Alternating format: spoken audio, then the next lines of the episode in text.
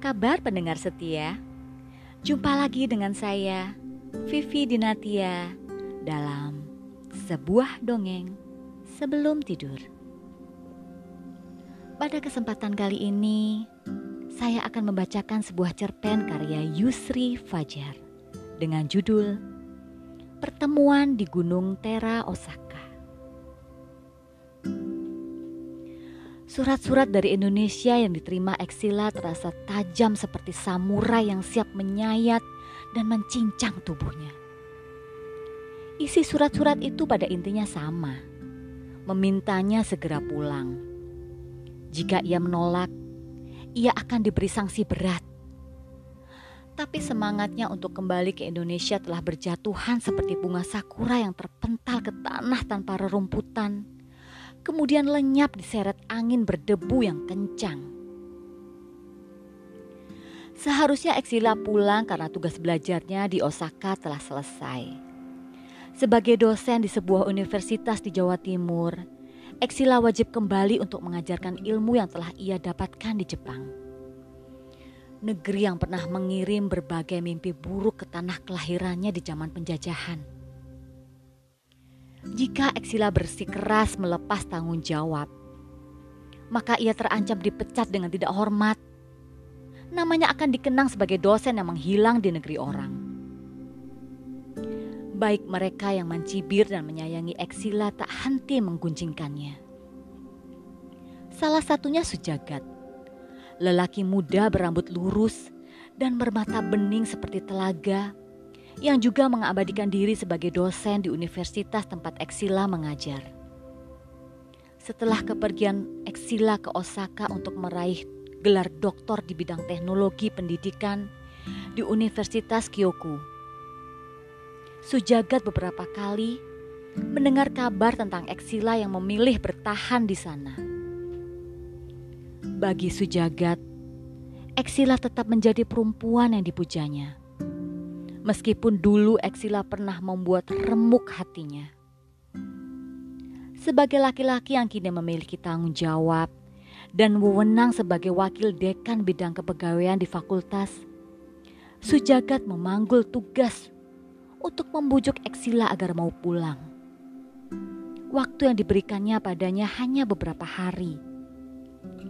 Jika ia bisa meyakinkan Eksila untuk pulang kembali ke kampus, ia pasti dipuji banyak orang.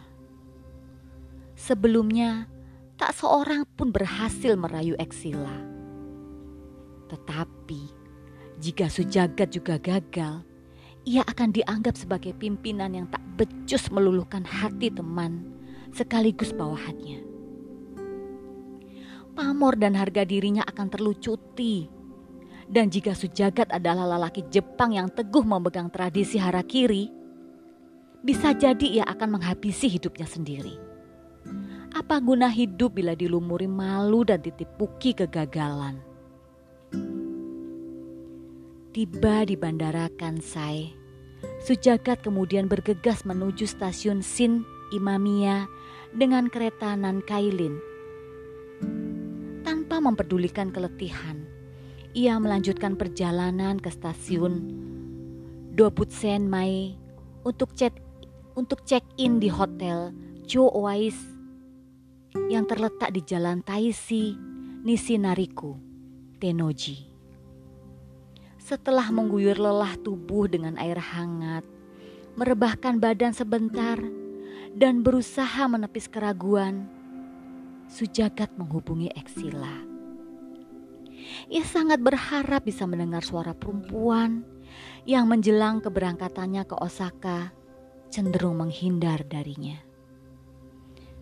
Nada dering telepon terdengar, tapi Eksila tak mengangkatnya. Apakah Eksila tak mau menerima telepon darinya? Sujagat menekan telepon Eksila lagi, tapi tetap tak ada jawaban. Setengah jam kemudian, ia menghubungi Eksila. Terdengar suara lembut namun terdengar jauh. Ketika tahu Sujagat berada di Osaka, ia terkejut. Ia tak pernah memberikan nomor telepon kepadanya. Bagaimana Sujagat tahu? Eksila juga tidak menduganya. Tak ada keinginan dalam dirinya untuk bertemu orang-orang kampus tempatnya dulu ia mengajar, termasuk Sujagat. Ia ingin segera mengakhiri percakapan, menghindar, bersembunyi, bahkan lari sekencang mungkin. Dulu Eksila menolak pinangan Sujagat karena Eksila lebih memilih pergi ke Jepang untuk meraih gelar doktor. Sementara Sujagat tak mau menunggu lebih lama. Siang muram, Pikiran Sujagat seperti bergoyang-goyang di atas gerbong kereta api yang membawanya ke stasiun Osaka Kyoku Daime. Ia berharap Eksila telah menantinya sesuai janjinya dalam telepon. Tapi ruang tunggu masih lengang. Tak ada orang lalu lalang di stasiun pinggiran Osaka itu. Angin seperti berhembus dari puncak Gunung Tera ke lembah menyapu lorong-lorong ruang stasiun. Suara perempuan muda muncul di ruang pintu tunggu. Berjalan sedikit terburu-buru. Ia menoleh ke kanan dan ke kiri seperti sedang mencari sesuatu. Ia cantik, tubuhnya langsing, kulitnya bersih, dan rambutnya panjang terurai mengenakan baju ketat bermotif bunga sakura. Mata perempuan itu berhenti pada satu titik. Dilihatnya Sujagat yang berdiri beberapa meter darinya. Kau sudah lama menunggu? Maaf. Belum lama, Eksila. Kau baik-baik saja. Aku merasa bahagia di sini. Kau terlihat kurus sekarang, Sujagat. Banyak urusan kampus yang harus kuselesaikan. Kau tak perlu mengorbankan dirimu untuk urusan kampus. Lama-lama kau lupa urusanmu sendiri. Mengalir saja, menjalankan tugas, termasuk datang ke sini menemuimu. Kau benar-benar nekat.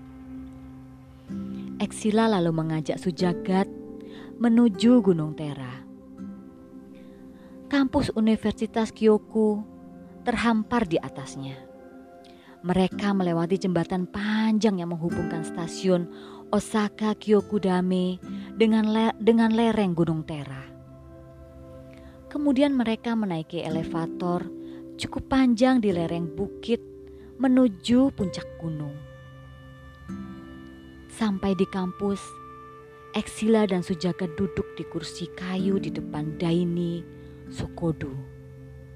Mereka menghadap kolam, di pinggirnya ditumbuhi bunga-bunga tsutsuji. Pasti pimpinan kampus yang memerintahkanmu. Percuma jika mereka mengutusmu untuk memintaku pulang. Aku akan tetap di sini, kata Eksila dengan suara datar tapi tegas. Statusmu masih pegawai negeri masih terikat janji. Bukankah menjadi pegawai negeri adalah mimpimu sejak dulu? Benar, tak hanya mimpiku, tapi juga mimpi kedua orang tuaku. Tapi sekarang tidak lagi. Aku telah memutuskan melepas status pegawai negeriku, kata Eksila dengan nada tinggi. Kau tak lagi mencintai Indonesia dan kampus kita? Ini tak ada hubungannya dengan cinta tanah air. Kau lebih mencintai Jepang, Eksila. Aku merasa di sini menemukan kenyamanan. Kau telah memiliki lelaki Jepang? Tidak. Aku tetap ingin menikah dengan laki-laki Indonesia. Kau sendiri, mengapa belum menikah? Sujagat terdiam sejenak kemudian tersenyum dan sengaja mengalihkan pembicaraan. Pimpinan dan teman-teman mengharapkanmu kembali. Jangan merayuku. Aku telah memutuskan hidup di sini.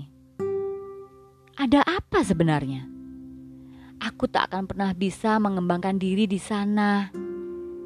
Jawab Eksila dengan mata menerawang. Sebelumnya Eksila tak pernah bercerita masalah di kantor. Ia menyimpannya rapat-rapat. Mengapa? Dulu, aku berharap karirku berkembang di kampus kita. Tetapi di sana ada beberapa orang yang terus menghambat karirku. Mereka memfitnah aku sebagai dosen yang suka melawan atasan dan tak taat pada aturan. Berkas kenaikan pangkatku lenyap. Tak ada kabar lagi setelah diajukan Pak Raksono, pimpinan kita. Setiap ada peluang, aku selalu disingkirkan. Selain Pak Rakerso, kau tahu, bukan masih ada lagi orang yang terus berusaha menyingkirkanku karena aku bukan bagian dari gerbong dan bendera mereka. Kampus lembaga akademik, pusat para intelektual, bukan tempat menyingkirkan orang berdasarkan bendera atau latar organisasi. Siapa orang itu? Tanya Sujagat penasaran.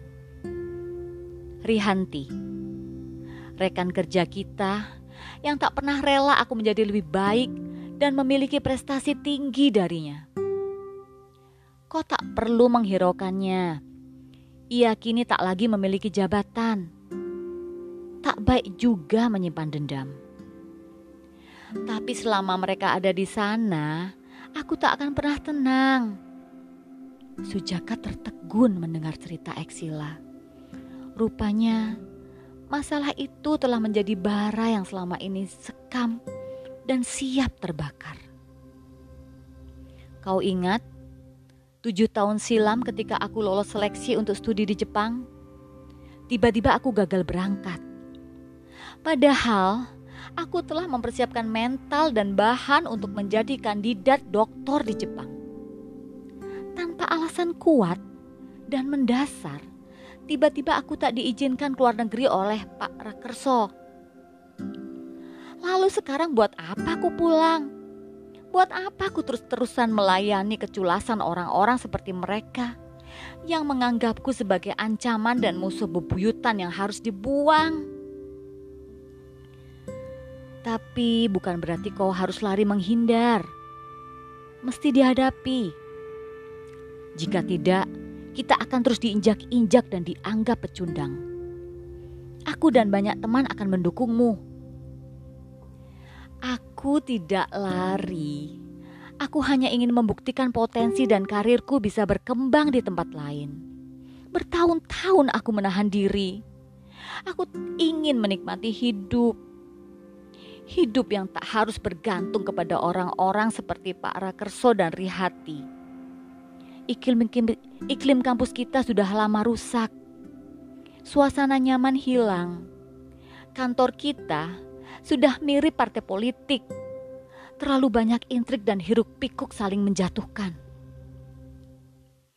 Sekarang keadaannya sudah jauh berubah. Pak Rakerso terkena serangan stroke separuh tubuhnya lumpuh. Ketika berbicara, bibir, tangan, dan suaranya bergetar. Rihanti menderita kanker dan perlahan tersingkir dengan sendirinya karena sepak terjangnya. Pulanglah, teman-teman menunggumu. Aku terlanjur mencintai Osaka dan orang-orang di sini lebih menghargaiku setelah menyelesaikan studi, aku diterima bekerja di sini. Aku mendapat tugas mengajar mahasiswa asing dan bertanggung jawab mengurus kerjasama Universitas Koiku dengan berbagai universitas di Asia Tenggara. Pihak universitas sangat membantuku dalam mengurus izin tinggal di Jepang. Tapi bagaimanapun, kau harus pulang. Kampus membutuhkan orang sepertimu. Maaf, aku tak bisa memenuhi harapanmu. Kau akan diberhentikan dengan tidak hormat jika tidak pulang. Lebih baik membuka lembaran baru daripada bekerja di tempat yang tak memberi harapan.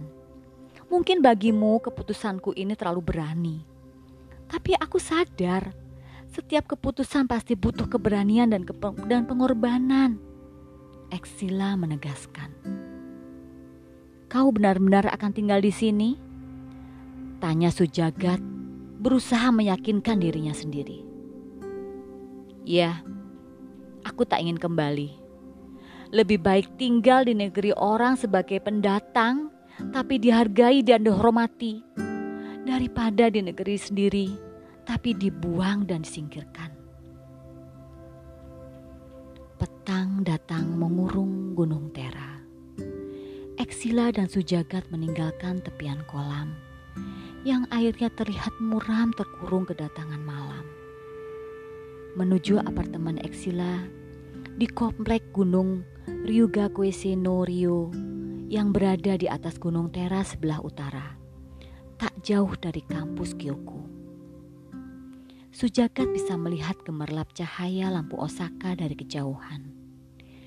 Wajahnya masih terasa tegang setelah mendapat keputusan dari Eksila. Tapi ia berharap hati Eksila luluh dan bersedia pulang bersamanya.